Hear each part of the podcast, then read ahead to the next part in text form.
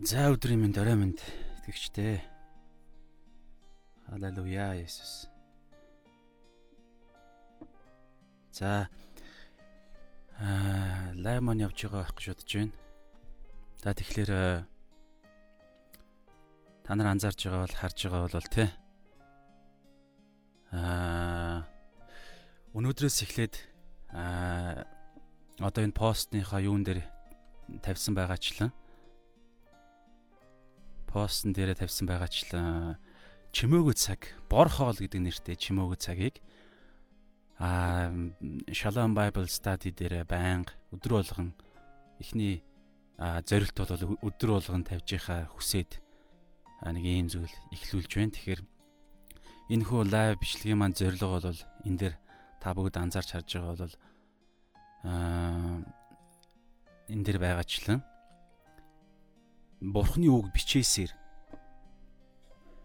Өдөр бүр. Бурхны үг бичээсээр өдөр бүр. Би хувьдаа хооллож сурахыг маш их өдөр бүр хооллдог чимээгөө цаг хийдэг байхыг маш хүсэж байгаа. Тэр утгаараа аа Shalom Bible Study хэмээх өөрийнхөө энэ хуудсан дээр өдөр болгон чимээгөө цаг хийж лайв яг одоо одоо энэ хоёрдугаар зорилтонд нь байна те. Үйл явцтай боддоор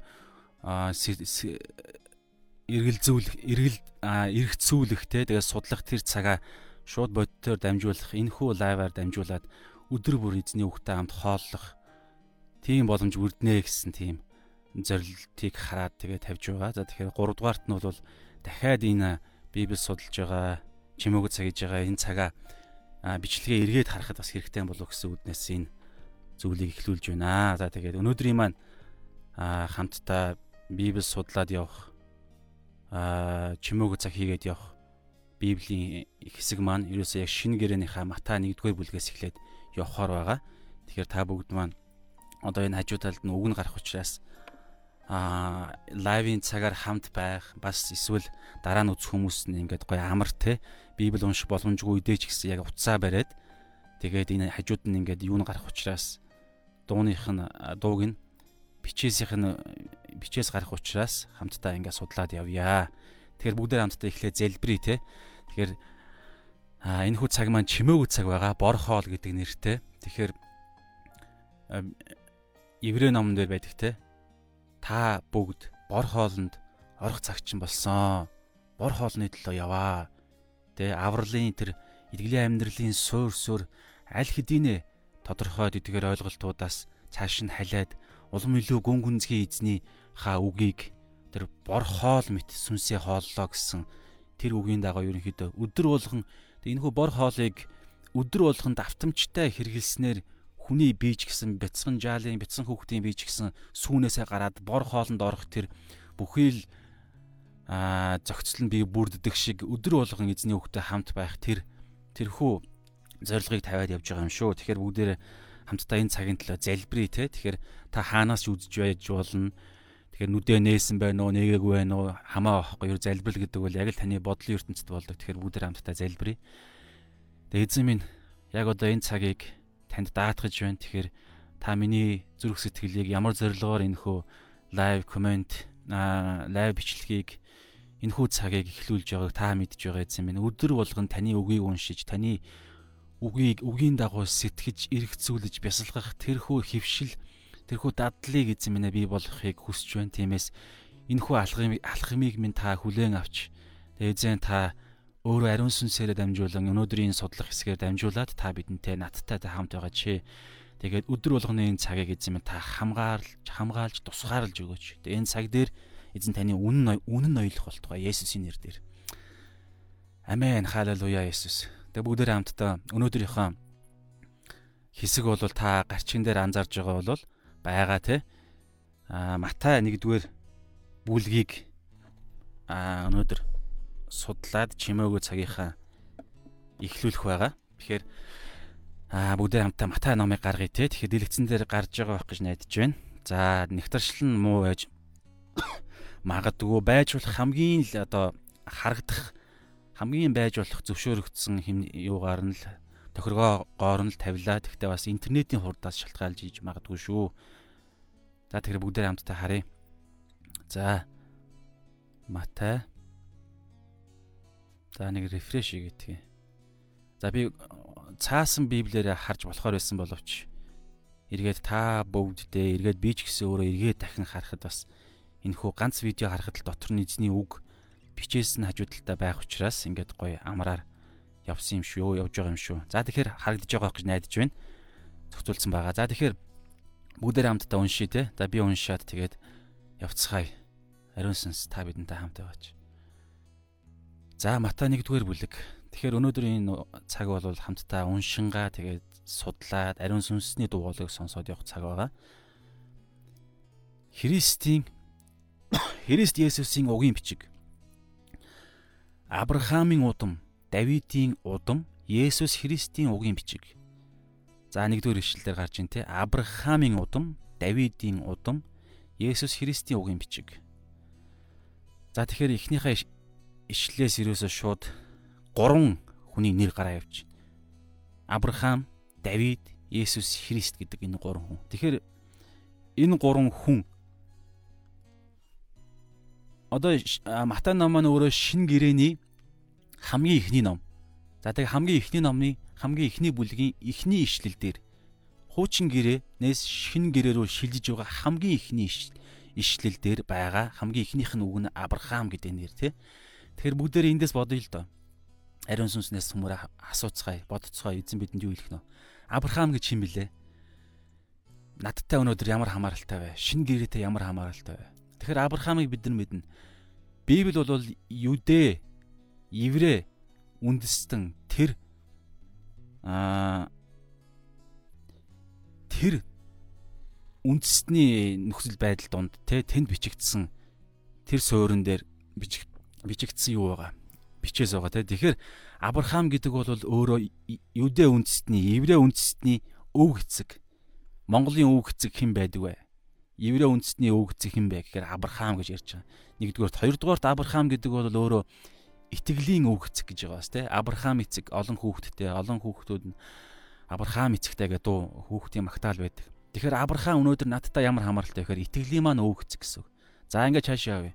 Тэгэхээр Матай ном маань өөрөө та бүгд мэдж байгаа бол Матай ном маань өөрөө а Матай гэдэг тэр татвар хураагч хүн Матай юудэ үндэстнүүдэд зориулагдж бичсэн ном байгаа шүү дээ.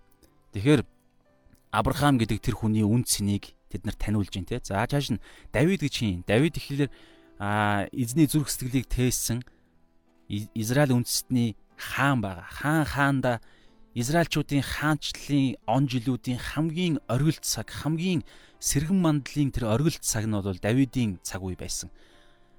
Саул хаанаас эхлээл өксөж явал Давид дээр ирээл тэгэл Давид хааны 40 жилийн хаанчлалын 40 жил дээр хамаг гайхалтай зүйлс болсон болсон байдаг. Дуулал номнууд бичигдсэн. Тэнд олон гайхалтай зүйлс бий болсон. Самуэль номдэр гардаг тийм. Тэгэхээр тэгэхээр Давид ханаас бас Израиль үндэстний тэр мөнхийн аврагч, мөнхийн месиа, тослогдсон жинхэнэ мөнхийн хаан Давидын үр удмаас гарна гэдэг амлал бол Израильчуудын хувьд маш чухал. Тэгэхээр энэ амлалын эзэн болсон Давидын хүртэл Есүс Христийг танилцуулахдаа Матай ном маань өөрсдөө хамгийн ихнийхээ ажилтар хэлээ явж байна гэсэн. Тэгээд энэ хоёр Израилийн өвгдээц тэгээд Израилийн хаанчлалын хамгийн оргил цаг үе мөн Месиягийн Месия гарах тэр өвгдээц Давидын удмаас гарах. Тэгээ Есүс Христийн үгийн бичиг. За чааш нь. Давудаар хамтдаа ямарчсан гэж бичээ те. За дор дор нь бас бичих зүйлэл бичээ явнаа. За тэгэхээр хоёрдугаар ишлээс бүгдээр хамтдаа уншия л да. За юусэн чааш нь ингээ уншаа явжий. Авраам Исаакийг төрүүлж Исаак Яаковыг төрүүлж, Яаков Юда болон ах дүүсийг нь төрүүлсэн болоо. Юда нь Перес Зера нарыг төрүүлжээ. Перес Хизроныг төрүүлж, Хизрон Рамыг төрүүлж, Рам Аминадабыг төрүүлж, Аминадаб Нахшоныг төрүүлж, Нахшон Салмоныг төрүүлв.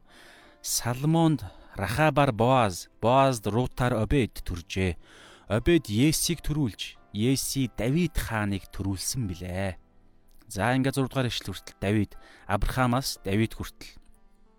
За цааш нь Өөрягийн имээс Давидэд Соломон төрсэн бөгөөд Соломон Рехобоамыг төрүүлж, Рехобоам Абияг төрүүлж, Абия Асаг төрүүлв. Аса Йохошифатыг төрүүлж, Йохошифат Йорамыг төрүүлж, Йорам Узияг төрүүлж, Узия Йотамыг төрүүлж, Йотам Ахазыг төрүүлж, Ахаз Хизикияг төрүүлж, Хизикия Манассег төрүүлж, Манассе Амоныг төрүүлж, Амон Йосияг төрүүлв.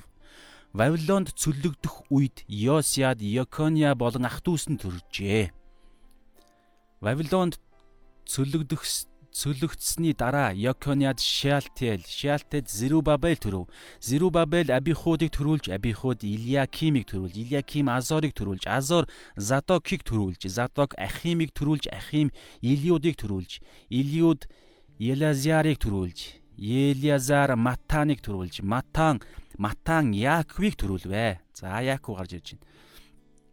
16 дугаар эшлэл. Яаков нь Христ химээгддэг Есүсийг төрүүлсэн Мариагийн нөхөр Йосефийг төрүүлсэн болоо.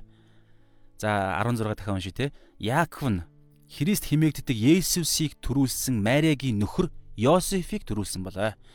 Ийхүү Авраамаас Давид хүртэл 14 үе Давидаас Вавилонд цөллөгдөх хүртэл 14 үе, Вавилонд цөллөгдснөөс Христ хүртэл 14 үе байв. За 17 дугаар ишлэгийг бүгдээр анзаарах юм бол те нөгөө шин гэрээ номны Матай номны хамгийн ихний ишлэлийн хамгийн ихний үг хамгийн ихний хүн Авраамаас Давид хүртэл 14 үе Давидаас Вавилон цөлөгдөх хүртэл 14 үе Вавилон цөлөгдснөөс Христ хүртэл 14 үе. Тэгэхээр ерөөсөө Израиль энэ 17 дугаар ишлээс бүгдээр харах юм бол Израиль үндэстний түүхийг Христээс өмнөх түүх буюу хуучин гэрээний түүхийг яг дөрвөн хэсэгт хувааж болж байгааз дөрв багш байхаа харъя бүгдээрээ. Харъя. А Авраамаас Давид хүртэл нэг үе. За Авраам Израилийн өвөг эцэг Авраамаас Давид хаан Израилийн хамгийн сэргэн мандлын үе Давид хаан хүртэл 14 үе буюу нэг үечлэл. За Давид хаанаас уналтын доошо уруудж яваад Вавилон цөлөгдөх өмнөд Юуда Вавилон цөлөгдсөн хүртэлх 14 үе. За хоёр дахь үе. За 3 үе юм шиг байна те. Тэгэхээр Вавилон цөлөгдснөөс Христийг хүртэл 14 үе. Тэгэхээр энэ 3 үе. Христ хүртэл ийм гурван үе анзаарэгдэж байна те. За. За тэгвэл нөгөө Христ гэдэг чинь Христ гэдэг тэр хүн хин бэ? Христ яг шинэ гэрээний эхлэлд Христийг танилцуулсан хамгийн ихний бичээс те. За бүгдээ 18 дугаар ишлээс уншия. Би хамт уншия. Есүс Христ ийм хүн мэндэлжээ. Түүний их Мария Йосефтэй сүү тавиад дэр нийлхээс өмнө ариун сүнсээр хевлийдээ хүүхэд олсон нь мэдэгдэжээ. Есүс Христ ийм хүн мэндэлжээ те. Түүний их Мария Йосефтай сүү тавиад дэр нийлхээс өмнө ариун сүнсээр хевлийдээ хүүхэд олсон нь мэдэгдэжээ. Нөхөр Йосеф нь зөвхт хүн байсан бөгөөд Мариаг олонний шившиг болгохыг үл хүссэн тул түүнээс нууцаар салах бодолтой байж харин түүнийг тийм бодож байхад харагтун эзний тэнгэрлэгч зүүдэнд нь үзэгдээ Давидын хүү Йосефо Мариаг ихнэрээ болгохоос бүү эмээгтэн учир нь түүнд олдоод байгаа нь ариун сүнснийх юм Тэрээр нэгэн хүү төрүүлж тэр нь ард түмнийг түмнээ нүглээс нь аврах тул чи түүний нэрийг Есүс хэмээн дуудаа гэв. Идүгэ энэ бүхэн бүхэн тохиолдсон нь иш үзүүлэгчээр дамжуулан эзэн айлцсан нь биелэгдэхийн тулд бөгөөд ингэхдээ харагтун онгон бүсгүй хүүхэд олж хүү төрүүлнэ. Түүнийг Имануэль орчуулбал бурхан бидэнтэй хамт гэж тэд нэрлэнэ гэсэн юм а. Йосеф нойрноосоо сэрж эзний тэнгэрлэгчийн тушааснаар ихнэрээ авч түүнтэй ингэр зөрүүлэлгүй байсаар төрүүлсэн хүүг нь Есүс гэж нэрлэвэ. За энэ болохоор Матай 1-р бүлэг байна те. За бүгдээрээ хамтдаа өнөөдөр эзэн бид энэ хэсгээр дамжуулаад хувь хүн танд надад юуг зааж оюун бодолд маань ямар шинчлэл хийхийг хүсэж байгааг бүгдээр хамтдаа ариун сүнснээс асууж сонсъё. За бүгдээр эхнээс нь хамтдаа харъя те. За эхнийхээ ишлэлээс өнөөдөр надтай танд ямар хамааралтай юм бэ? За тэгэхээр бүгдээрээ хамтдаа Матай номын нэг зүйлийг л анзаарах мэдэж байх, наан мэдэж байх ёстой нэг зүйл бол хуучин гэрээ хуучин гэрээний за хуучин гэрээ надтай ямар хамааралтай юм бэ гэдэг асуулт асуудал яригдэн тэ. Тэгэхээр тэрийг бас цөмөрөө дахиад асуулт тавиад хариултыг олно. За тэгэхээр хуучин гэрээ хуучин гэрээ шин гэрээ буюу Есүс рүү шилжсэн шилжилт байгаа даа байхгүй юу? Хуучин гэрээ яагаад хуучирж байгаа юм? Тэгээ шин гэрээ рүү шилжсэн. Өнөөдөр бид нар шин гэрээний үед амьдарч байгаа шүү дээ. Тэгэхээр Есүс энэ нэгдүгээр ишлэлээр байгаа Есүс Христ гэдэг энэхүү нэр бол бидний хамааралтай хамгийн чухал нэр те. За тэгвэл яагаад Авраам Давидыг дурдсан юм? Яагаад вэ гэхээр энэ хүү Матай ном маань өөрөө Израильчуудад, Юдэчүүдэд бичигдсэн ном байгаа.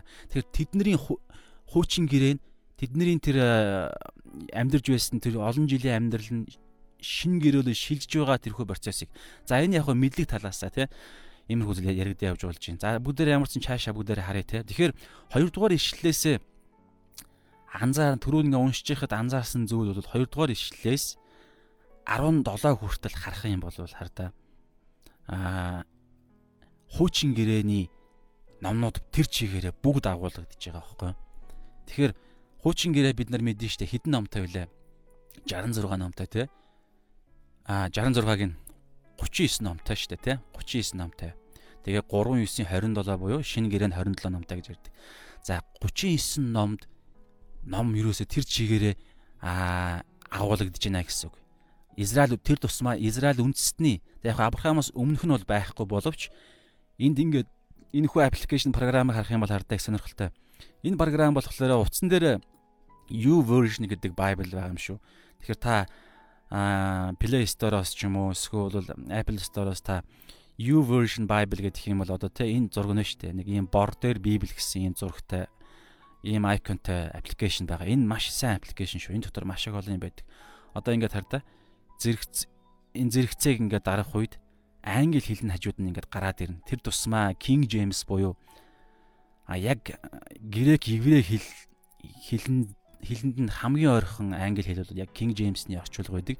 Тэр тусмаа New King James гэхлээр нөгөө нэг э, англи хэлний эртний англи хэлний хэллэгүүд байдаг шүү дээ. Дау гэж одоо англи хэл мэддэг хүн байгаа бол R гэдэг нь art гэж янз янз сонин сонин хэллэгүүд байдаг. Тэгэхээр New King James-ийг ингээд тавьчихад одоо ингээд харьцуулаад харахаар бид нар үг судлал хийдэг ч юм уу эсвэл зарим ойлгомжгүй ишл байх юм бол ингээ англи хэл мэддэг хүмүүс нь хамтдаа ингээ судлаа явах боломжтой. Тэгэхээр энэ програмыг та сонирхоорой. За тэгээд Тэгэхээр а энэ дээр харах юм бол хардаа Лук 3-ын 23-аас 38 яг энэ Есүс Христийн угын бичгийн өөр нэг хэлбэр нь байдаг. Та та урд нь сонссон бол та мэдж байгаа. Сонсоогүй бол та мэдээд байгаарай. Матай 1-ийн 1-р бүлэг дээр байгаа энэ 17 1-ээс 17 хүртэлх энэ Есүс Христийн угын бичих нь өөрөө Есүс Христийн аль талыг нь барьдаг вэ гэхээр Есүс Христийн одоо хууль ёсны дагуу буюу түүний за одоо хууль ёсны аав гэдэг Йосеф байгаа шүү дээ. Яг түн Есүс бол өөрөө яг Йосефийн хүүхэд биш. Мөртлөө а хууль ёсныхаа дагуу бол Йосефийн хүүхэд. Тэгээд Йосеф нь өөрөө явсаар явсаар одоо энэ хардаа Давид Матай 1-р бүлгийн 1-ээс 17 дугаар ишлэгийг харах юм бол а Давидын удам Есүс Христ гэж байгаас тэгээд Давид нь одоо энэ явах юм бол те Авраамаас явж байгаа Давид хүртэл 14 үе, Давидаас Вавилон хүртэл 14 үе, Вавилоноос Есүс хүртэл 14 үе. Тэгэхээр эн чинь өөрөө яг нэг нэг одоо Давидын Авраамийн тэр үе үр удам яваад байгаа байхгүй. Авраамийн удам угсаа яваад байгаа гэсэн үг. Тэгэхээр явж явж байгаад Йосеф тэр ирдэг. За тэгвэл Есүсийн аав нь одоо хууль ёсны дагуу яг мах цусных нь аав биш мөртлөө хууль ёсных нь дагуу аав нь болох Йосеф нь өөрөө Давид хааны удмаа гэдгийг Матай ном өөрөө танилцуулж Израильчуудад танилцуулж баталж хэлж байгаа. За түрүүн Лук 3-ын 23-аас 38 буюу энэ хэсгийг бүгдээрээ харъя те би довчхон харуулъя. За одоо Лук аа за энэ 14 оных байна те. Дээр оны хүртэл ингэ сольж болдог. Тэгэхээр энэ гоё аппликейшн шүү. За Лук бүгдээр хамтдаа Лук 3 дугаар бүлгийг гаргая л да. За Лук 3-ын 23 байсан баха. За энэ дээр гарч ирэн бүгдээр атхаа харъя. Лук 3-ын 23-аас 28 гинэ. Энэ болохоор Есүс Христийн ээж болох Есүс Христийн их Мариаг Мария чи өөрөө бас Давидын удам гэдгийг энэ дээр баталж харуулсан байгаа. 23-аас. За бүгд нь уншихгүй гэхдээ ингээ харах юм бол одоо та Есүс 30-аад 23 дээр Лук 3:23 дээр Есүс 30-аад настайдаа үйлчлээ эхэлсэн бөгөөд хүмүүсийг хүмүүсийн боддгоор тэр бол Йосефийн хүү гэж байгааз. За Йосефийн хүү. Тэгээ Йосеф нь Елигийн гिचж байгаа. Яг эндээс хар та а 23 дээр Йосеф нь Елигийн хүү гэж хэлж байгаа. Гэтэл одоо Матаг бүгдээр харъя. Йосефийн аав нь хэн гэж байна? А Матай 16 дээр Яаков нь Христ химээгддэг Есүсийг төрүүлсэн Мариагийн нөхөр Йосефийг төрүүлсэн болоо. Йосефийн Матай номон дээр болохоор Йосефийн аав нь Яаков гэж байгааз. Гэтэл Лук номноор болохоор Йосефийн аав нь Елиг явчихж байгаа байхгүй. Тэгэхээр эндээс яагаад ингэ бичээс зөрүүлдэж байгаа юм уу гэвэл үгүй байгаа даа. Энэ яаж ийнэ гэхээр Йосефийн хадам аавна гэсэн санаа. Одоо бидний хэллэгээр бол Йосефийн хадам аав нь буюу Есүсийн их Мариагийн аав нь Ели байгаа даа байхгүй. Тэгэхээр Израильчууд өөрсдөө угийн бичиг дандаа ирчүүдээр явдаг учраас энд Мариаг оруулаагүй гэсэн санаа байгаа. Тэгэхээр Йосефийн аав нь Ели хот хадам аав нь Ели. Эндээс шууд салаалаад Мариагийн аав руу орчиж байгаа. Тэнгүүт л Мариагийн аав нь Ели, Мариагийн өвөө нь гэсэн. Мат Маттат гэдэг. Тэгээ ингэж явсаар явсаар явсаар хардаа Лук номон дээр болохоор явж байгаад а 31 болон 32 дээр тэ 30 31 дээр Натан нь Давидыг Давидын Давид нь Есийн хүүхдээ гэд хэлээ явж байгаа. Тэгээд ингэж явсаар явсаар байгаад Еси Есийн чааш явсаар явсаар Авраам дээр ирж байна. Авраам хаана вэ? Бүгдээр харъя. Аянте а Яаков нь Исаакийг, Исаак нь Авраамийн Авраамийн хүүхэд, Авраам Терагийн хүүхэд. Ингэж явсаар явсаар одоо хараа Метусела нөгөө Библийн хамгийн олон урт насалсан хүн 966 насалсан Метусела ч нөөрэ Енох юм. Енох нь Ярад, Ярад Махалел гэж явж байгаад явж байгаад Кайнан гэж байгааз те. Кайнан, Кайнан Енош, Енош нь Сет.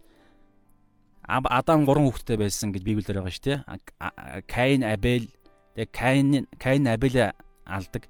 Тэгээд тэр хугацаанаас хойш хэсэг хугацааны дараа Сетийг төрүүлдэг. Тэгэд Ада Сет, Сет нь Адамын Адам нь Бурхны хүүгээ дуусч байгаа байхгүй. Тэгэхээр Матай номны маань одоо 1-р бүлгийн маань те 1-ээс 17 дугаар ишлэл ишлэлээр гарч байгаа Есүсийн угийн бичиг нь бол Есүсийн хууль ёсны дагуу аа болох Яаковын биш Йосеф те Йосеф биз дээ. За харъя бүгдээр. За Йосеф. Йосефийн өвгдөц нь явсаар явсаар Давид явсаар явсаар Авраам дээр гээд дуусч байгаа. Тэгээд түрүүн Лук номдоор харсан бол Авраам ч өөрөө явсаар явсаар Адам явсаар явсаар Адам нь өөрөө Бурхны амьсгалаар бүтээгдсэн, Бурхны дүр төрхийн дагуу бүтээгдсэн буюу сүнсийг нь тээж бүтээгдсэн буюу Бурхны хүү. Тэгэхээр Есүс өөрөө Есүс хартаа өөрөө хууль ёсныхаа дагуу Есүс өөрөө Бурхны хүү гэдг нь батлагдж байгаа. Мах цусны дагуу ч гэсэн өөрөө бас Бурхны хүү. Мария, ээж нь Мария, Мариагаас гарсан. Цус нь а одоо тэр сүнс нь өөрөө бас бурхны хүү. Тэгэхээр Есүс бол өөрөө гурван хэмжигт хүнээр гуруулан гарна бурхны хүү гэдгийг ингэж гурван талаар баталж байна. Матай болохоор хууль ёсны дагуу буюу аав нь явсаар явсаар ингээд яваад яваад яваад үе үе явсаар байгаад Адам Адам нь бурхны хүү. Луг болохоор ээж нь бас явсаар явсаар ингээд Авраам явсаар явсаар Адам тэгээ бурхны хүү. Түүний сүнс нь Есүс өөрөө бурхан хүн болж ирэхээс өмнө хүртэл өөрөө тэрээр гурвлаар оршигч цор ганц бурхан буюу эцэг хүү ариун сүнс гэдгийн хүү бурхан өөрөө энэ дэлхий дээр хүн болж ирсэн. Тэгэхээр энэ эхний хэсэгт энэ угийн бичиг дээр ийм зүйл бидэнд ойлгохдохоор байна. За тэгээ яг чааш нь өөр зүйл бодогдож байгаа ариун сүнс бидэнд сануулж хэлж байгаа зүйл бол энэ 17 дугаар ишлэлээр байна шүү дээ. Ийхүү Авраамаас Давид хүртэл 14 үе. Тэгэхээр хардаа Авраамаас Давид хүртэлх энэ үе. Тэгээд Давид гэдэг чинь ямар үе вэ? Израильчуудын хамгийн чухал үе. Тэгэхээр Израильчууд түүхээ маш сайн мэдж байгаа. Тэгэхээр энэ мэдж байгаа түүхээр нь санал нийлдэг энэ түүхээр нь Есүс Христийн сайн мэдээг танилцуулахын тулд Матай номын сайн мэдээний энэ хүн ном нь а Израильчуудад Есүс Христийн сайн мэдээг танилцуулахын тулд мэддэг санал нийлдэг тэр зүйл болох те хууль ёсны дагуу мэддэг түүхээр нь явж байна. Тэгэхээр өнөөдөр бид нар бас те монголчуудаа сайн мэдээ тараахтаа бид нар бидний өвөг дээдс, бидний үүх түүх, бидний тэр бүх түүхүүдээ бид нар бурхны нүдээр бурхан бидний түүхэнд ямар оролцоо байсныг нь бид нар харж ариун сүнснээс сонсож судалж тэр зүйлийг олж мэдэх юм бол түүхээрээ дамжуулан бид нар бас а монголчуудаа тэрхүү бурхантай холбогдож байгаа холбоос оронд бас сайн мэдээд харах бас нэг тийм хэрэгжүүлэлтийн санаа бас санагдж байна ариун сүнс сануулж байгааг итгэж байна. За тэгэнгүүтлээ Вавилоны цөлөгдөх гэдэг энэ үе чинь бас өөрөө Израильчуудын түүхэнд асар тийм одоо юу гэдэм эмзэг гэж хэлж бас нэг талаараа болно бас маш чухал эргэлтийн үе байгаад байгаа байхгүй. Гим нүглээ өвлдөж явж байгаад бүр ингээд хойд Израиль бол манай эртний өмнөх 722 онд Ассирд бүрэн устдаад хойд Израиль буюу тэр Израилийн 12 овгийн 10 овг нь бүр устдаад байхгүй болчихж байгаа байхгүй. Яг гоо тэндээс дараагаар нь цус холилдсон Самар гээд аймаг ингээд Юудэ Галил хоёр аймгийн голд нь байх нь байгаа. Гэхдээ цус соёлцсон ингээд Израильчууд өөрсдөө ч дургу. Тэгэхээр а гимшээгүй учраас хойд Израилийн тэрхүү 722 оны Ассирийн булан эзэлтээс өмнө асар олон иш үзүүлэгч нарыг бурхан өөрийнхөө хүмүүсүүдийг илгээж та нар гимшээ гимшгүй бол гим нүглээс чинь болж та нар устгах гад байна. Бузар муу та нар шийтгэлээ үүрэх гээд байна гэдэг хэлсээр байтал тэд нар эргээгүй. Харин а Вавилоны та Небухаднезартай Вавилон өмнөд Юуда өмнөд Юуда болон а нэг нь юу вэ? Биньямин овг ах шүү. Юуда Биньямин хоёр овг нь урдталтаа үлдээд тэр хоёр ингээд хоорондоо нэгдээд өмнөд Юуда гэдэг үндэстнийг байгуулсан гэсэн санаа байгаа. Тэгэхээр тэд нар болохоор тэр хоёр овг хизээ устдах устдах төгссөн байхад 500 манай эртний өмнөх 586 онд Вавилонд Вавилон үндэстнэр тэр агуу гүрнэр устгагдж байгаа булаан эзлэгдээ тэд нарыг аваад Вавилон руу авч яваад цөлөгт явж байгаа. Тэгээд дунджаар 70 жил тэндээ байж байгаа. Гэхдээ яагаад тэр үндэстнийг өмнөд юудаг устгах устгахгүй эзэн авч үлдсэн бэ гэхээр эхлэл 3-ын аа эхлэл 3-ын те аа 15 дугаар ишлэл дээр байгаа штэ. Эхлэл 3-ын 15 дээр байгаа. Миний энэ эмхтэн үр удам энэ эмхтэн үр удам сатанд хандаж бурхны хэлсэн амлалт байгаа. Бас чамааг устгана гэдэг санаагаа хэлсэн. Энэ эмхтэн үр удам чиний толгойг бяцалж харин чи бяцлагдаж байхдаа энэ эмхтэн өсгийг нь чи няцалнаа гэсэн санаа байгаа байхгүй. Тэгэхээр яг энэ зүйл Есүс Христийг хэлсэн зөвгөнлөө байдаг. Тэгэхээр энэ зөвгөнлөө буюу энэ авралын энэ хүү нэгүүлслийн авралын сайн мэдээг бүрэн бий болгохын тулд өмнөд юудаг устгах устгах боломжгүй устгахгүй тулд тэрээр а яасан бэ гэхээр боломжууд өгсөн 70 жил гэдэг хугацааг өгсөн. Тэгээд тэр хугацаанд нь эзэн өөрийнхөө хүмүүсүүдийг илгээсээр байсан. Тэр дунд Даниэл ч гэсэн байсан. Даниэлийн 3 найз те нөгөө итгэлийн 3 найз найз нь ч гэсэн байсан. Тэгэхээр эзэн тэр өмнөд юудааг хойд юудаа нь Израиль нь устдсан учраас өмнөд юудааг устгахгүй тулд Есүсийг төрөх тэр а түүхэн нөхцөл байдал төрөх үндэстнийг байлгаж явах хэрэгтэй байсан учраас одоо энэ те энэ 1-ээс 17 дугаар Матай 1-ийн нэгээс 17 доллар байгаа энэ үр удмыг үргэлж таслахгүй тулд эмгтэй үр удмыг таслахгүй тулд эзэн байлгаж исэн байгаа. Тэгэхээр Вавилон гэдэг энэ цөллөгдөх энэ үе болохоор Израилийн эргэлт байсан байгаа байхгүй юу? Гимшихгүй явж явж байгаа тэгээд цөллөгт байх 70 жилийн хугацаанд Израиль үндэстэн юмуд юудаа л да яг а юмуд юудаа буюу Израиль ерөнхийдөө үндэстэн үлдсэн ганц аймаг нь хоёр овг аймаг учраас Израиль гэж нэрлэе явчих болно. Тэгэхээр Израиль үндэстэн өөрөө яг тэр 70 жилийн хугацаанд хамаг гим бурууга ойлгож гимшиж тэгээд 3 тэ 3 удаагийн байдлаар 70 жилийн дараа дунджаар 70 жилийн дараа эргээд Иерусалимда Израильта ирсэн байдаг. Тэгэхээр энэ эргэлтийг яг энэ Есүс Христийн төрсөн цаг үед бас тэд нар өөрсдөө Роми дарлалд байгаа шүү дээ. Ромын дарлалд байгаа. Тэгэхээр өнөөдөр монголчууд маань те ямар нөхцөл байна? Та бас ингээд бас бодоор ариун сүнс танд юу сануулж байна? Сануулж байгаа зүйл байвал бас те а комент хэсэгт ч гэсэн та бас бичээ явж болно. Тэгэхээр а энэ хүү эхний энэ хүү цаг хугацаанд те а ийм зүйлс болсон. Тэгэхээр эндээс яг хөө ингээд ариун сүнс ингээд сануулж байгаа зүйл бол бид нар түүхээ мэддэг байх хэрэгтэй гэсэн нэг тийм бодол орж ирж байна. Бүгдээ хамтдаа түүхээ мэддэг байх хэрэгтэй байна. Гэхдээ заавал бүгд нь ихгүй те гол гол яг тэр маш чухал чухал гол гол хэсгүүдийг бүгдээ хамтдаа судлаа энэ янз бүрийн гой гой нөхцөл сошиал ертөнцүүдийг ашиглаад бүгдээр хамтдаа мэддэг нь мэддгүүдээ зааж өгөөд чухал чухал үед эзэн яаж оролцсныг бид бүгдээр хамтдаа мэддэг байгаад тэр зүйлээрээ дамжуулж сайн мэдээг Есүс Христ буюу орчлын ертөнцийг бүтээсэн бурхан өнөөдөр Монголын түүхэнд ямар хамааралтай бэ гэдгээ бас мэддэг байх хэрэгтэй болов гэсэн бодол төрж байна. За эхний хэсэгт. За хоёрдугаар хэсэгт өнөөдөр бүгдээр хамтдаа эзэн өнөөдөр яг энэ 3 сарын 22-ны өнөөдөр эзэн надад танд ямар зүйлийг хэлхийг хүсэж байна вэ? За бүгд ямар ч ихнийхээ юугаа бүгдээр хамтдаа биччихье те. Одоо хэрэгжүүлэлт гэх юм уу? Нэгдүгээр хэрэгжүүлэлтийг бүгдээр харах юм бол аа Тэ Матай 1-р бүлгийн 1-ээс 17 гэдэг эндээс хэрэгжүүлэлт нь бол юу гарч байгаа вэ? Аа та бас ямар хэрэгжүүлэлт гарч байна? Миний хувьд яг одоогийн байдлаар бол аа Монгол Монгол улсынхаа түүхийн чухал чухал те чухал чухал уюудыг уюудыг мэддэг түүхээ мэддэг түүхээ мэддэг байгаад тэр тэрхүү түүхэн дэх эзний заяа тийх тэрхүү түүхэн дэх бурхны оролцоог бас олж мэдэх хэрэгтэй.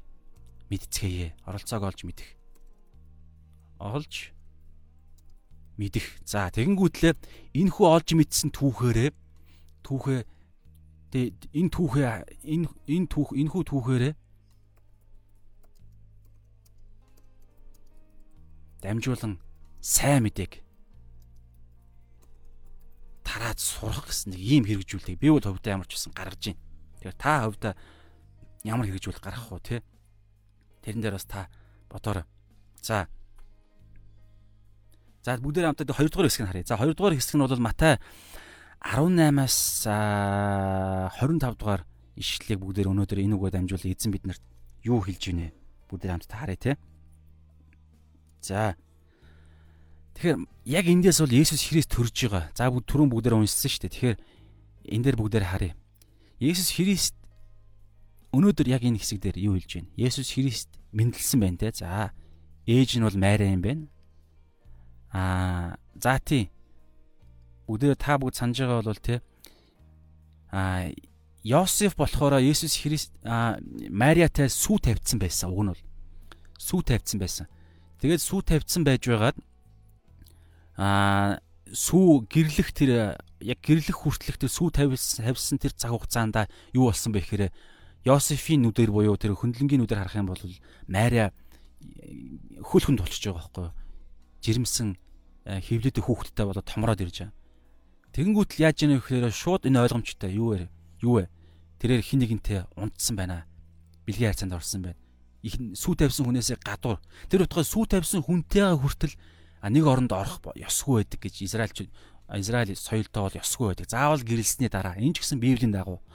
Тэгэхээр өнөөдөр хардаа Монголын нийгэмд те Монголч хийхгүй энэ дэлхийн нийгэмд одоо энэ хүү энэ глобалчлагдж байгаа энэ ардчилсан энэ хүү энэ хавтгай нэг тавцсан болж байгаа энэ дэлхий дээр юу болж байна вэ гэхээр бэлгийн харилцаа гэдэг энэ зүйл л ерөөсөө замраагаа алдж байгаа те. Тэгэхээр бид нар хардаа бүр а яг уг нь бол яг байгалийн жам ёсоор бол хардаа секс буюу тэр бэлгийн харилцаа гэдэг энэ зүйл нь зөвхөн эхнэр нөхөр хоёрт л зориулагдсан тэр нэг мэдрэмж, тэр хүсэл, тэр харилцааны тэр нэг төрөл байгаа байд. Уг нь бол Библийн дагууч тэр байгалийнхаа жам ёсны дагууч тэр.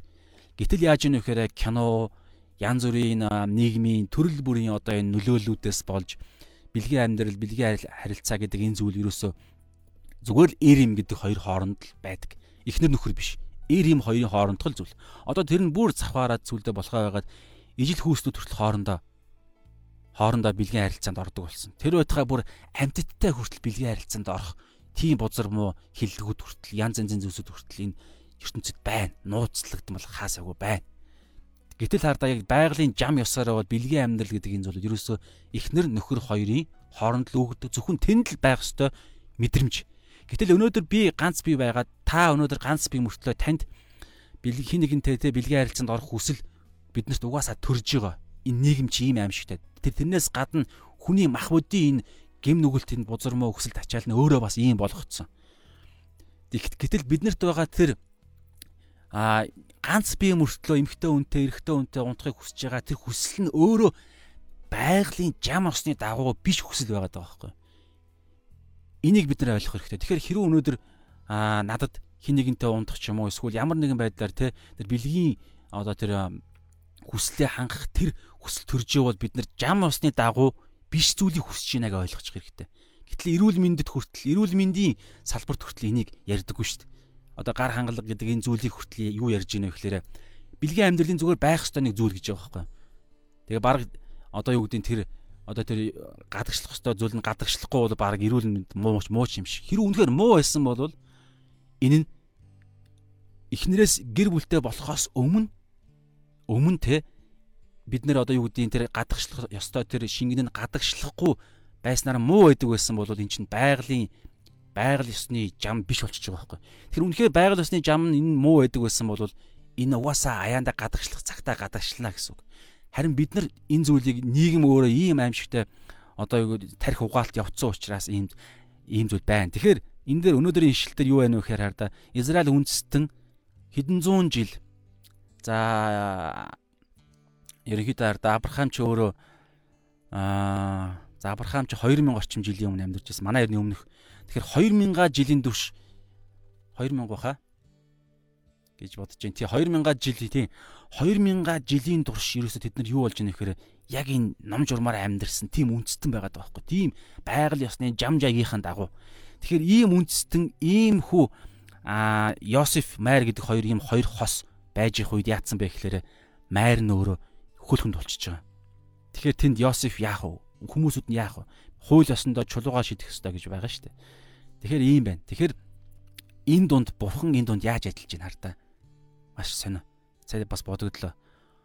Бурхан нэг талаараа хууль зөрчиж гинөө гэж харагдахаар юм шиг. Яг сайн бодох юм бол тэ. Гэтэл хууль зөрчөөгүй бурхан. Яасан бэ гэхээр бурхан Есүс өөрөө хүн эрэгтэй хүний хүнээс төрөөгүй бурханы үр сүнс штэ. Бурханы бурханы сүнсээр ариун сүнсээр одоо эндэ байгаа те цааш нь дараагийн шилжлээ гарч ирэх юм бол байгаа. Тэгэхээр бурхан өөрөө аа юр бусын байдлаар Есүс Христ төрсөн гэдэг ерөнхийдөө юм санаа явж байна. Тэ? За бүгдээрээ цаашаа ямарчсан уншия. Ариун сүнс өнөөдөр бидэнд юу хэлж байна? Хууль ясны дагуу. Тэгэхээр бодъё. Аа Матай аа нэгийн Матай нэгийн 18-аас 25 баха. 25 гэдэг энэ хэсэгт юу ойлгуулж байна те? Есүс Христ. Есүс Христ. Есүс Христ өөрөө. Есүс Христ өөрөө аа Есүс Христийн төрөлт нь? Есүс Христийн төрөлт нь? Ингээ ингүүл яаж юм? Хуулийн шаардлагаас хуулийн хуулийн шаарддагаас гэх юм уу? Шаарддагаас давсан гэдэг нэг үг надад орж ирж байна л та. Давсан. Давсан одоо юу гэдгийг арга хэлбэрээр төрсөн. За ямар ч ингэ явъя. Есүс Христийн төрөлт нь хуулийн шаардлагаас давсан арга хэлбэрээр төрсөн. Одоо юр бусын байдлаар гэдэг үг л дээ. Энэ бол юр бусын байдлаар. Тэгээд хардаа энэ юр бусын байдлаар юр бусын байдлаар төрсөн төрөлтийг хуулийн дагуу харах юм бол чулуугаар шитгэх гээд байгаа байхгүй чулуугаар Есүс Христийн үхэл хүртэл яг иймэрхүү байдал болсон. Есүс Христийн а энэ дэлхий дээр 30-аас 33 хүртэл 3 жилийн үйлчлэл донд хийгдсэн зүйл нь хүртэл бас нэг иймэрхүү байдлаар хууль зөрчиж байгаа юм шиг мөртлөө хуулиас давсан юр бусын байдлаар Есүс Христ хуулиа бүр бүрэн хэрэгжүүлсэн. Тэгээ тийм зүйлийг Есүс Христ хийжсэн учраас ойлгохдохгүй, хуулийн дагуу ойлгохдохгүй хуулийн дагуу одоо энэ дээр бийж л да. Хуулийн дагуу ойлго ойлгогдох аргагүй гэжээ. Яагаад энэ Есүс Христийн төрөлтөй яаж холбож байгаа вэ гэхээр хуулийн дагуу болохоор Есүс Христ эрэгтэй эмэгтэй хүн эрэгтэй хоёрын хүн хоёрын дундаас бүх хүүхэд төрөх тийм тогтолцоотой байсан. Гэтэл Есүс Христ өөрөө яасан бэ гэхээр эмэгтэй хүн болон ариун сүнс ахгүй юу? Ариун сүнс. Тэгэхээр энийг хуулийн дагуу ойлгоход хэцүү энд итгэл шаардлагдаг. Тийм учраас Йосеф одоо бүгдээрээ энэ юг аа 19-тэй харах юм бол те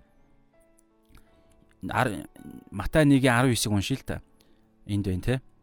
Аа нөхөр Йосеф нь зөвхт хүн байсан бөгөөд хуулийн дагуу хүн байсан гэсэн. Зөвхт хүн байсан учраас Марийг олонний шившиг болохыг үл хүссэн тул түүнээс нууцаар салах бодолтой байлаа. Салах. Тэгэхээр заашгүй салах шаардлагатай. Салаханд байтугай Марийг алах хэрэгтэй байгаа даахгүй хууль ёсны дагуу бол. Тэгэхээр энэ бол хардаа зөвхөн Израиль ихгүй байгаль ёсны жам ёсны дагуу ийм зарчим уг нь үйлчилдэг. Өнөөдөр би ганц би байгаад ихнэргүй мөртлөө би эмхтэй үнтэй унтахад би миний яг байгаль ёсны жам ёсны дагуу надад ямар одоо юу гэдэг үр дүн гарах вэ гэхээр би өөх ёстой байхгүй юу? Секс бэлгийн харилцаа гэдэг энэ зүйл бол эмэгтэй эмэгтэй эрэгтэй хүн хоёрт биш байхгүй да. Нөхөр эхнэр хоёрт л өгөгдсөн зүйл. Байгаль ёсны жам ёсны дагуу Адам Ява хоёр буюу нөхөр эхнэр хоёрт өгөгдсөн зүйл. Гэтэл тэрнээс наан нь буюу юус хамаа байхгүй. Наан ч байж байна, эсвэл нөх эмэгтэй эхнэрээсээ өөр хүнтэй ч байж байна. Энэ байгаль ёсны энэ тогтсон жаяг буюу бурхны тавьсан стандартаас доор байгаа бүх төрөл нь бүгд гим нүгэл Тэгээд энэ гим нүглийн шийтгэл нь юу вэ гэхээр цус урсах буюу үхэх. Тэгэхээр үхэх ёстой байтал Мосе Мосег нь Йосеф харин яасан бэ гэхээр нууцаар гэж байгаа юм. Нууцаар буюу энэ хуулийн энэ зүйлийг мэддэхгүйгээр одоо кинон дээрээс гардаг зарга заргалдахгүйгээр уг нь нөхөр нь заргалдах хэрэгтэй байна л да. Заргалдаад энэ ингээд намайг хуурлаа гэд олонний өмнө 50 гутал нөхрөө хуурсан учраас бид нар чулуудаж альяа гэж алдаг. Гэтэл энэ зарга хэлэхгүй гэж зарга хэлэхгүй харин би зүгээр нууцаар салаад явъя. Би чамд хайртай учраас майраад хэлж байгаа шүү дээ Йосеф. Чамааг би өхөөсэй гэж хүсэхгүй байна. Тэгээ би зүгээр салаад явъя. Тэг харин би чамд яахгүй.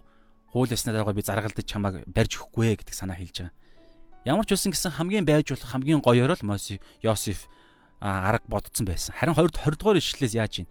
Харин түүнийг тийм бодож байхад за харагтун гэдэг энэ үг бол ерөөсө та нар унших болгондоо та яг дотроо төсөөлж ариун сүнснээс асуугаад энд яг ер бусын нэг тийм үзэгдэл нэг юм дүрслэл бий болж байна гэсэн санааг би бол хувьдаа боддیں۔ Тэгэхээр эзний тэнгэр элч зүүдэнд нь үзэгдээд эзний тэнгэр элч гэж байгаа шүү.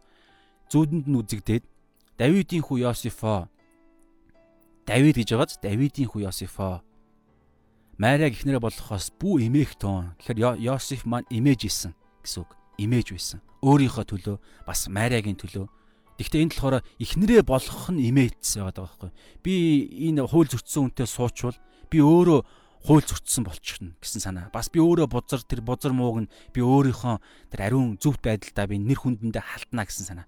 Тэгэхээр тэр зүйлээс Йосеф имэж байсан. Тэр үед бурхан юу гэсэн бэхээр тэгж хэлж чинь бити имээ. Тэнгүүтлээ а учир нь яагаад бити имээ гэж байгаа юм гэхээр уг нь хуулийн дагуу имээх ёстой. Суух ёсгүй байтал суу гэж хэлж байгаа яагаад вэ гэхэлэр яагаад хууль зөрчиж байгаа юм шиг ийм зүйлийг би а тэнгэрлэгч би хэлж гинэ гэхэлэр түүнд олдоод байгаа нь ариун сүнснийх юм аа гэж байна.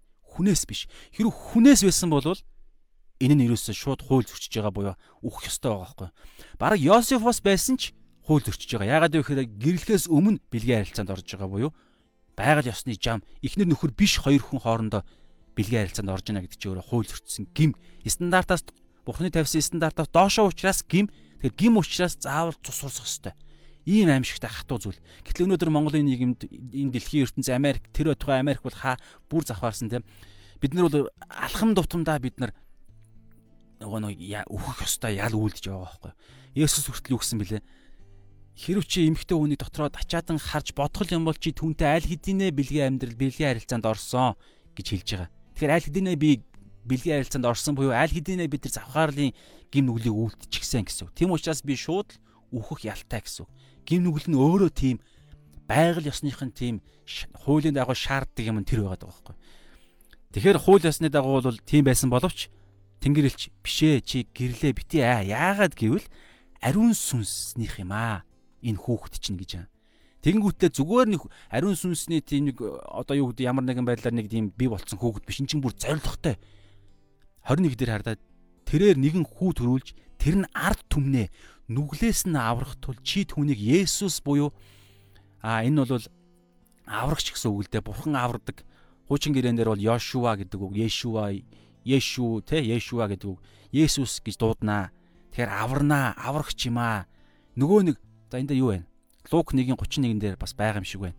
Лук 1:31 дээр. За тийш орох нь яах вэ? За бүгдээр ороо харъя. Лук 1-р бүлгийн 31 дээр бүгдээр уншия. Ийш нь чиглүүлсэн байна. Манай орчуулгын албан маань. Лук 1:31 дээр юу гэж байна? Авардаг юм аа. Бурхан авардаг юм аа гэдэг санааг 31 дээр юу гэж байна? Үзэгтэн чи хевлидээ өртөө болж хүү төрүүлэн чи түүнийг Есүс гэж нэрлэх болно. За адилхан ишлэн те. За ингэж хэлсэн байна. За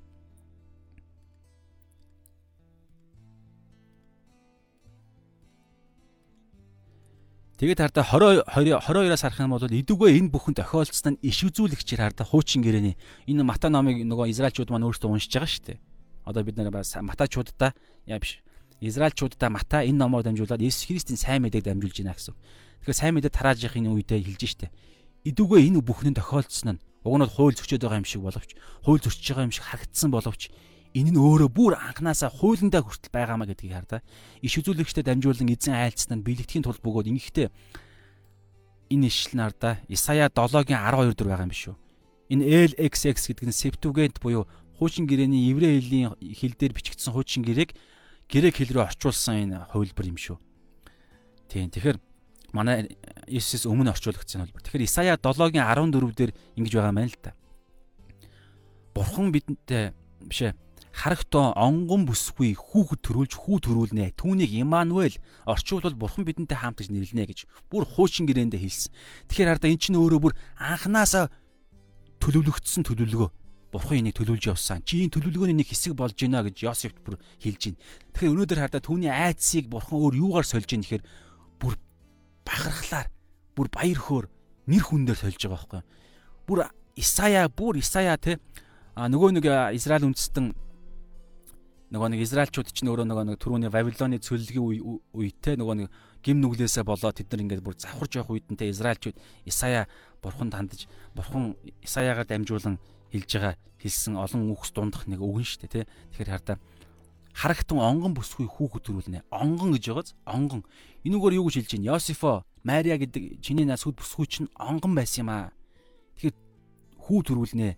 Тэгэхээр онгон байсан учраас ариун сүнсээр дамжуулан хүүхдтэй болсон юм аа. Хууль зөрчөөгүй гэдгийг хэлж байгаа байхгүй. Чамаа хуураагүй. Харин ч бүр тэрээр бурхны тэр гайхалтай ажлын нэг хэсэг болсон гэд. Тэгэхээр энийг хараад одоо бүгдээр хамтаа эндээс нэг зүйлийг гаргая л да. Энэ дээр хардаа бурхны зарим ажлууд бурхны зарим ажлууд байна шүү дээ, тэ. Аа одоо за ёс суртахуун хичээ. Ёс суртахуун. Бурхны зарим ажлууд ёс суртахуун тий аа за ямар ч зин шууд хэллэгээр нь зааж байгаараа бурхны зарим ажлууд ёс суртахуун хүний ойлголт хүний ойлголтоос бас дахиад нөгөө үг давсан гэдэг үг л орж ирээд байгаа байхгүй давсан тэ давсан байдлаар хийгдэх тохиолдлууд байдаг аа гэдэг энэ зүйлийг бүгдээр хамтдаа тохиолдлууд байдаг аа энэ зарчмыг бүгдээр хамтдаа өнөөдөр бас дотроо бодъё чэйжли амьдралдаа бүгдээр хэрэгжүүлээ хардаа бурхны зарим ажлууд бурхны бурхны хаанчл бурхны хаанчлалын хаанчлалын төлөөх а сүнслэг гэж идэх үү яагаад вэ гэхээр мах бодийн давуу а биш бас зүйлсүүд сүнслэг тэтгэл ажлуудыг бид нэр төлөвлөгөөг сүнсээр нь бид нэр харах тийм хэрэгцээг өнөөдөр гарах гэдэг юм л да. Тэгэхээр бурхны бурхны хаанчлалын төлөөх сүнслэг зарим ажлууд ёс суртахуун тэгээ хүний ёс суртахуун хүний ойлголтоос тэгээ хүний ёс суртахуун хүний ёс суртахуун хүний ойлголтоос давсан байдлаар хийгдэх тохиолдлууд байдгаа. Тэгээ эндээс хардаа бүгдээрээ тимээс тимээс альва үйл явдал тэ альва үйл явдал нөхцөл байдлуудыг байдлуудыг бүгдээрээ аа бурхны ариун сүнсний аа чиглүүлэг те чиглүүлэг зөвлөмж хараа хараа шүү энэ. Хараа хараагаар хардаг дүгндэг байцгаая гэсэн нэг юм зүйл. Йосефийг хардаа энэ зүйл рүү ариун сүнс хөтлөж байгаа Тэнгэрлэгч тухайн Тэнгэрлэгч за Габриэл гэж ер нь ойлгож баг болох байх. Тэнгэрлэгч түүний хараа нь хууль ёсны дагуу хараагаар тэрээр харахад Майраг хууль зөрчлөө гэж харагдсан угаасаа. Тийм учраас тэрээр хамгийн байж бол хамгийн зөвхт үйлдэлээ хийгээд түүнийг одоо яахгүйгээр буруудахгүйгээр зарга мэдүүлэхгүйгээр нууцаар салаал. За ядаж амтайгээ үлдэгээ энэ хүүхдний эцэг нь хинч вэ? Энэ хүүхдээ бариад ингээд тэ бутч гэдэг лүү тэ энэ хүүхдээ бариад тэгээд амьд яваагүй ямар ч байсан. Би бол нээлж болохгүй. Ягаад гэхээр би дих юм бол би өөрөө хууль зөрчих байхгүй. Йосеф тэгж бодож исэн би өөрөө хууль зөрчих исэн завхаарс нэгэнтэй завхаарч болохгүй. Тэгээд бузар мууга би оруулж болохгүй. Тусгаарлагдах ёстой гэсэн тийм хуучин гэрээний санаанууд байгаа. Хуулинд нь өөрт нь. Тийм учраас өөрөө нийлж болохгүй. Тэгээ тэр үнийг бас хайртай учраас амийн алчмааргүй байна. Тэгээ иймэрхүү нөхцөл байдал донд байх үед нь Одоо энэ мах бодийн дагуух энэ ёс суртахуун нөгөө яриад байгаа ёс суртахуун тэгээ нөхцөл байдлын дэлхийн нөхцөл байдлын дагуу ингээд бодож идэл ариун сүнс тэнгэрэлч ирээд юу гэж хэлсэн бэ гэхээр энэ хүүхэд чинь ариун сүнснээс юм. Тэгээд эн чинь өөрөө ийм ийм сүнслэг төлөвлөгөөний дагуу ирсэн хүүхэд юм аа. Гэт ингэж хэлэх үед юу болсон бэ гэхээр Йосефийн хараа өөрчлөгдөж байгаа байхгүй. Тэгэхээр хардаа тиймээс альва нь үйл явдал нөхцөл байдлуудыг бүгдээрээ Бурхны ариун сүнсний чиглүүлэг зөвлөмж хараагаар хардаг дүгндэг байцгаая гэдэг энэ зүйлийг бүгдээр хамтдаа ямарч байсан тэ хэрэгжүүлэлтийг бүгдээрээ өнөөдөр байдлаар гаргая эхний байдлаар. Тэгээ чааш нь бас та нарт юу та нарт юу ойлгуулахаар байна. За энэ зүйл маань хаанаас гарч ирсэн бэхээр ингэж гарч ирсэн байгаа тэ. Ариун сүнсийн юм а тэрээр нэгэн хүүд өрүүлжгээд хэлсэн. Тэгээд Исая дээр ингэж хэлсэн байдаг. Тэгээд 24 дээр Йосеф нойрноосоо сэрж эзний тэнгэр элчийн тушааснаар ихнэрээ авсан ч түүнтэй ингэр зөрүүлэлгүй байсаар байлаа гэж байгааз. Үүний дараа ч гэсэн тэрээр ихнэрээ аваад Есүсийг төрөн төрөлтөл тэрээр их нэртэйгээ ингэр зөрүүлээгүй байсан байгааз. Тэгэхээр өнөөдөр бид нараас мэднэ жирэмсэн үнтэй бас тий жирэмсэн их нэртэйгээ ингэр зөрүүлэх гэдэг асуудал энэ ч гэсэн бас хальт зухустын бодол орж ирж шүү бүгдээр хамтдаа шааш нь гэр бүлтэй хүмүүс нь бас судлах хэрэгтэй юм шиг санагдлаа. За төрүүлс түүнтэй ингэр зөрүүлэлгүй байсаар төрүүлсэн хүүг нь Есүс гэж нэрлэвэ. Тэгэхээр Есүс Христийн төрөлтийн дараа л тэрээр нөгөө хууль ёсны дагуу нөгөө нэг те ихнэр нөхөртэйгээ нэг оронд орох гэдэг зүйл яригдсан. Тэрнээс өмнө Йосеф зөвхт байдлаараа байсаар л байсан байгаа байхгүй. Тэгэхээр аа Йосеф нойрноос сэрж эзний тэнгэрлэгчийн тушааснаар ихнэрээ авсан ч түүнтэй ингэр зөрүүлгүй байсан. Тэгээд чааш нь харах юм бол аа тэрээр онгон хിവэрэ байсан үргэлжлүүлэн Есүс Христийн төрөлтийн дараа онгон хിവэрэ үргэлжлүүлэн байсан гэсэн санаа бас байдаг. Хаана байдаг үлээ мартчихлаа. Дараагийн бүлэг дээр байж магадгүй эсвэл бусад сайн мэдээний номуудаар нь байдаг баг. За тэгэхээр өнөөдөр ерөнхийдөө бол өнөөдрийн цагаар бүгдээр хамтдаа харъя л да. Тэгээ за жоох ингээ оруулчих. Уншицсан хэсгээ уншицсан юм чинь. А ингээ шаардлагагүй байна. Үргүй юм чинь. За. Эхнээс нь харъя те. За Матай 1-ийн бүгдээрээ дүгнэе. А өнөөдрийн цагаа дүгнэе.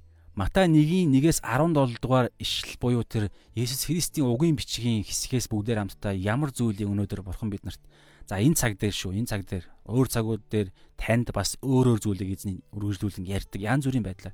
Ямар ч байсан энэ цагт надад тэгээд та хэрүү хамт байсан бол а танд бас юу эзэн хэлж байна гэхээр Монгол улсын түүхийг түүхийн чухал чухал үеүдээ бүгдээрээ мэддэг байцгаая гэдэг санаа. Түүхээ мэддэг байя. Тэгээд тэр түүх түүхэнд бурхан яаж оролцсон юм бэ гэдгийг бүгдээр хамтаа судлаа гэсэн хэрэгжүүлэлтийг гаргаж ирж байна. Энэхүү түүгээрээ тэгээд тэр түүхээрээ дамжуулаад бурханы тэр оролцоогоор дамжуулаад сайн мэдээгээ түүхээ түүхээрээ дамжуулан тараадаг байцгаая. Энийг яагаад энэ өнөөдрийн хэсгээс гаргасан бэ гэхээр Мата ном өөрөө юдэчүүдэд зориулагдсан ном. Нэгдүгээрт тэгээд тийм учраас хоёрдугаарт хуучин гэрээний тэр айхалт гайхалтай бас аимшигтай тэр нэг том аа нөлөөнөөс шин гэрээрөө шилжихэд заавал энэ дунд нь тайлбар шилжилт хийхгүй бол шууд Есүс Христийн тэр сайн мэдээ өөрөө маш тийм юр бусын тэнгэрлэг учраас хууль бүр ингээд толгой нь бүр шингэцсэн тэдгэр хүмүүсүүд энэ нэгүслийн сайн мэдээг ойлгоход тэр хуулиас нэгүсэл рүү Есүс рүү яаж шилжиж байгаа шилжилтийг ойлгуулахын тулд бас Матай ном бичигдсэн байгаа гэдэг. Тийм учраас хүмүүрээ түүхээр нь дамжуул тэдгэр хүмүүсүүд тэр а одоо юудын уламжлал ярьдаг бүр ингээд Монгол гэдэг халах Монгол гэдэг те монголчууд бол тийм гэж ярьдаг. Тэгээ Есүс Христ бол харь үндэстэй харь үндэсний шашаан гэж ярьдаг хүмүүсүүдтэй бид нар харилцахдаа хуулийн хуулиар нь дагуу харин биш юм харь биш юм а эн чи өөрөө Монголын түүхэнд хүртэл ингэж холбогдож ирсэн юм а гэдэг энэ бүгдээ хамтдаа тэр өнцгөөс нь ярьдаг байханд бол хууль судлаа түүхээ судалдаг байя гэж гэдэг зүйлийг өнөөдрийн хэсгээр бүгдээ хамтдаа хэрэгжүүлэх гаргалаа.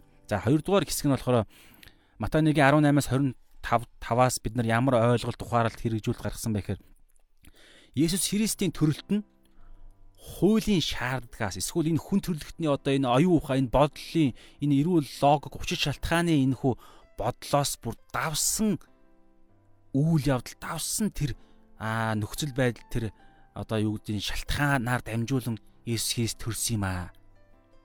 Тэгэхээр хуулиар ойлгох аргагүй тийм нөхцөл байдал донд Есүс төрсөн юм аа. Тийм учраас Есүс Христийн төрөлтөнд итгэх нь Есүс Христийн төрөлтийг ойлгохын тулд бид нар итгэл шаардна. Итгэл итгэлээрээ бид нар ойлгох юм аа гэсэн санаа.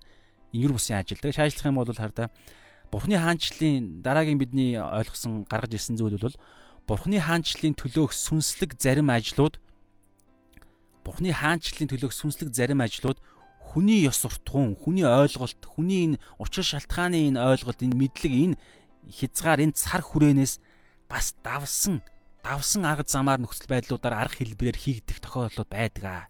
Тийм учраас бүгдээрээ альва үйл явдлуудыг те альва энэ коронавирус ч юм уу альва энэ сошиал ертөнцид болж байгаа эсвэл бидний амьдралд те бидний амьдралын харилцаа нөхөрлөл чуулганд ч юм уу хаасайгу ажил дээр ч юм уу болж байгаа тэр зүйлсүүдийг бид нар шууд энэ өөрийнхөө энэ хүү энэ хязгаарлагдмал богино оюун ухаанаар харахын оронд энэний цаана нь эзэн эзний хийж байгаа ажил байдаг байх боломжтой.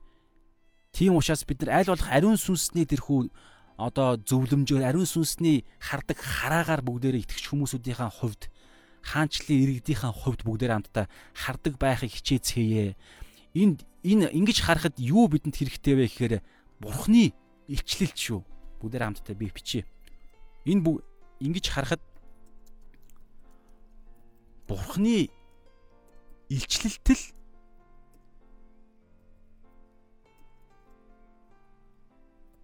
Бурхны илчлэлт л бидэнд хэрэг болно. Өөрөөрөө бид нар чадахгүй шүү. Одоо арда Йосеф яг тэгсэн байхгүй. Өөрөөрөө байж болох хамгийн сайн зөвхт хуулийг мэддэг хамгийн сайхан сэтгэлтэй зөв сэтгэлгээгээр тэр ямар шийдвэр гаргасан бэ гэхээр эхнэрээсээ салын нэгдүгээр энэ сүд бүсгүйгээс сална хоёрдугаарт а тэрийг буруутгахгүй байдаг юм хоёр юм гаргасан. Ийм л юм гаргасан. Гэтэл ариун сүнс яасан бэ? Ариун сүнс тэрээр нөгөө нэг илчлэлт буюу энэ хүүч нэгдүгээрт ариун сүнсний буюу ариун сүнсээр ирсэн юм а. Хүнтэй унтад завхаараагүй маа. Тэгээ эн чинь бурхны хүүхд юм а. Хоёрдугаарт бүр түүхийн хэдэн зуун жилийн өмнө өмнөөс нөгөө нэг энэ үндэстний энэ хуулинд хилэгдэж байсан тэр аврагч чинь энэ хүүхд юм а гэдгийг хэлчихсэн байгаа байхгүй бурхан өөрөө хэлчилж хэлсэн. Тийм учраас бурханаас ирсэн илчлэлтээр л Йосефийн тэр тогтсон тэр ягт ягт суусан тэр үзэл нь өөрчлөгдөх боломжтой өөрчлөсөн байгаа. Тэгэхээр бүгдээ хамтдаа Бурхны илчлэлтийг хүсэмжилцгээе. Бурхны илчлэлт илчлэлтийг хүсэмжилцгээе. Тэгээд сайн мэдээ тараахта зөвхөн одоо оюун ухаанаараа биш. Оюун ухаанаараа те мэтгэлцээнээр мэтгэлцээнээр биш. Харин тухайн үед тухайн үед те хариун сүнсний тэр а оролцоо илчлэлт тухайн сонсож байгаа илчлэлт тухайн сонсож байгаа хүнд хэрэгтэй.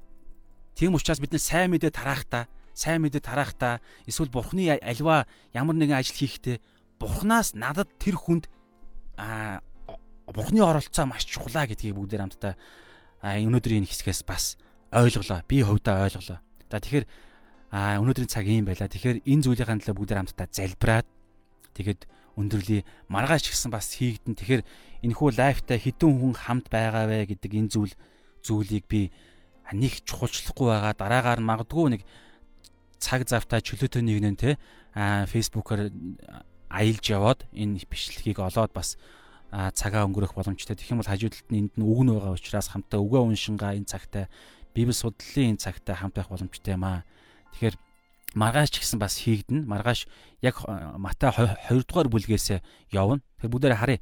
Маргааш бүгдээрээ аль хэсгээр хийхээр байна. Гэтэ би наанууд юу ч уншиж бэлдэхгүй.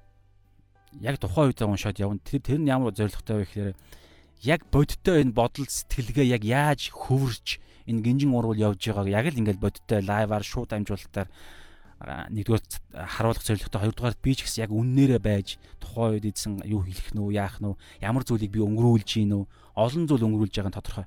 Тэгэхээр маргааш ямар ч хоёрдугаар бүлгийг бүгдээр хамтдаа а богинох юм байна. Хамтдаа уншаад явнаа.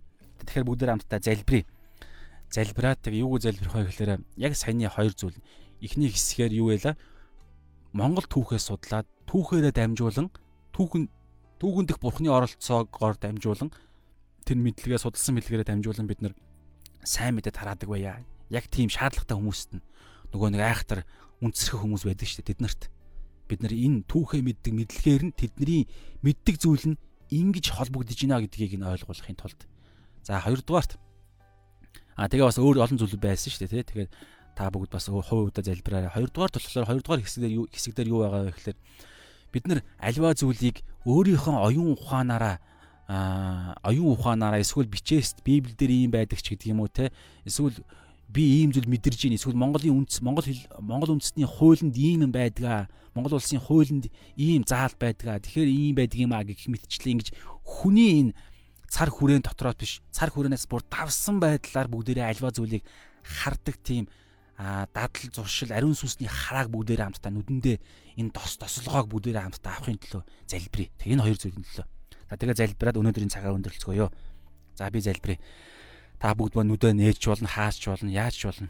За эзэн бурхан минь энэ цагтаа та хамт байсан баярлалаа. Тэгэхээр аа бид нар энэ зүйлийг ямар ч байсан би хувьдаа эхлүүллээ. Тэгээд хамт байсан хүмүүсийг минь та өрөөж өгөөрэй. Есүс Христийн нэрээр бид нар яг одоо өнөөдрийн Матай 1-р бүлэгээр ойлгосон энэ хоёр зүйлийг бид нар бариад яг танаас гуйж байна. Юу вэ гэхээр эхний Матай 1-ийн 1-ээс 17 дугаар энэ ишлэл ишлэл дундах энэ Есүс Христийн угийн бичгээр дамжуулан биднэрт өнөөдөр ариун сүнс таны ойлгуулсан зүйл зүйл болох Монгол улсынхаа хуулийг бид нар маш сайн мэддэг байгаад хууль биш түүхийг маш сайн мэддэг байгаад тэгээд тэр түүхэнд бурхан таны оролцсон оролцоонуудыг бид нар бүгдээрээ ариун сүнсээ та бидэнд зааж хэлж ойлгуулж өгөөж судлах үе та бидэнтэй хамт байгаач. Тэгээд тэр мэдлэгээ мэдлэгээ мэдлэгээрээ дамжуулан эзэн минь Монголын үнцэрхэг үзэлтэй ахан дүүс нартаа сайн мэдээ тараахта тэр мэдлэгийг ч гэсэн бид нар ашиглаад яг л Матай номын зорилго шиг бид нар сайн мэдээ тараадаг байхыг хүсэж байна. Тийм учраас эзэн минь бидний амьдралд түүхээс судлах тэр цагуудыг боломжуудыг зориулалтыг шийдвэрийг та гаргаж өгөөж шийдвэрдээ үнэнч байх тэр аа тэр алсын хараа зорилгыг та бидэнд өгөөч. Хоёрдугаарт эзэн минь өнөөдөр бидний амьдралд, сошиал ертөнцид бидний амьдралд, бидний мэдрэмжинд хаасаагүй болж байгаа янз бүрийн нөхцөл байдлыг бид нар харахтаа өөрийнхөө оюун ухаанаараа эсвэл Монгол улсынхаа хуулиараа ч юм уу эсвэл хүний өөрийнхөө ертөнцийг үзэх үзлээрээ бид нар тэрийг хардаг биш. Түүнээс бүр давж хариун сүнс та тэрийг яаж харж байгаа юм бэ? Бурхан та тэрийг яаж харж байгаа юм бэ? Яагаад ариун сүнс ярьж байгаа вэ гэхээр ариун сүнс та бидний дотор байгаа шүү дээ. Тийм учраас бидний дотор байгаа ариун сүнс таны энэ дэлхийг нөхцөл байдлыг энэ энэ дэлхий дээр болж байгаа үйл явдлуудыг хардаг тэр харааг бид нар нүдэндээ оюун ухаанд авахыг хүсэж байна. Тиймээс та бидэнтэй өдөр болгон хамт байгаач өдөр болгоны нөхцөл байдал донд автобусанд явж байхдаа, дэлгүүрт орохдоо, хин нэгэнтэй харилцахдаа, муудалцахдаа, сайндахтаа, янз бүрийн нөхцөл байдал донд сошиал ертөнцид, нийгэмдэр, сургууль дээр, ажил дээр гээд хаач явсан хариун сүнс таны хардаг хараагаар харахыг хүсэж байна. Үүнд юу хэрэгтэй юм бэ гэхээр Йосеф Йосеф Йосефийг ингэж хараа нь өөрчлөгдөхөд Бурхан таны илчлэлтэл түүнд а өөрчлөх тэр гол хүч нь болсон шиг та бидэнд илчлэлтэй өгөөч эзэн минь ээ. Үүний тулд бид нар таны үгнээс уншиж байна, судалж байна. Тэгэхээр ариун сүнсээ та бидэнтэй хамт иж өгөөрэй. Өнөөдөр бидэнтэй хамт байсан бүх хүмүүстэй та үргэлжлүүлэн хамт байгаач. Тэг маргаашийн цагийг та тусгаарлаач. Энэ цагийнхаа төлөө бид нар тулалдан байх ёстой газараа зогсоход минь та хамт иж өгөөрэй хэмээн Есүсийн нэрээр залбирч байна. Амен. За энэ цагийн төлөө талархлаа. Тэгээд аа сүулд орж ирсэн хүмүүс байвал тэгээд постны тайлбараас болон тэгээд өмнөх хэсгээс нь хараараа яг ямар учиртай юм болж байгаа тий. Тэгэхээр энэхүү чимээгөө цаг бор хоол хэмээх энэхүү хувийн чимээгөө цаг цаг дээр та бүгд нэгдээд хамтдаа бүгдээрээ маргааш гисэн Матай 2 дугаар бүлгээс үргэлжлүүлцгээе комент хэсэгт та санаа оноо зөвлөгөө байвал эсвэл 2 Матай 1 дугаар бүлгийг бүлгийг уншаад үзээд явж байхад ойлгож ухаарсан зүйл байвал та комент хэсэг заавал бичээрэй Матай 1-р бүлэг дээрээс би ийм ийм зүйл ухаарсан шүү. Тэр ухаарсан зүйлийг чинь би аваад гоё би танаас суралцмаар байна. Тэг бүгдээр хамтдаа бие бинийгаа ингэж хамтдаа барьж байгуулъя. Тэгэхээр би бол мэдхгүй хүмүүс байгаа бол би инхтэй ам гэдэг шалаам үйлчлэлийн админ инхтэй ам байгаа шүү. Санаж байгаа мэдж байгаа хүмүүс нь бол мэдэх байх. Тэгэхээр гурван пэйж байгаа тийм шалаам видео дээр би кинонууд бичлэгүүд орчуулж тавьдаг, дуу оруулж тавьдаг. За шалаам миний бодол гэдэг дээр болохоор би 7 хоног болгон 7 хоног болгоны мегмар гарагт 19-оос 20 цагийн хооронд ямар ч хамаагүй сэдвээр та орж ирээл комент хэсэгт та сэдвээ хэлээд тэгээ бүгдээрээ хамтдаа та комент хэсэгт бичнэ би тэрийг уншина тэгээ хамтдаагаа ингэж харилцдаг ийм цаг байгаа. За Shalom Bible Bible Study гэдэг энэ пэйжээр дамжуулан олон зүйлс хийх төлөвлөгөө байгаа. Тэрнийх нь нэг нь бол энэ хөө чимээгөө цаг эхэлж байна. За тэгээд өөр бас эхлэл номоос эхлэл номоос ч гэсэн яг ингээд бүр бэлтчихсэн урдчилж бэлдсэн мэдээллүүдийг цуглуулад тэнд тэгж библийн хичээл эхлэл номоос эхлэн тавих төлөвлөгөөтэй бэлдээд явж байгаа.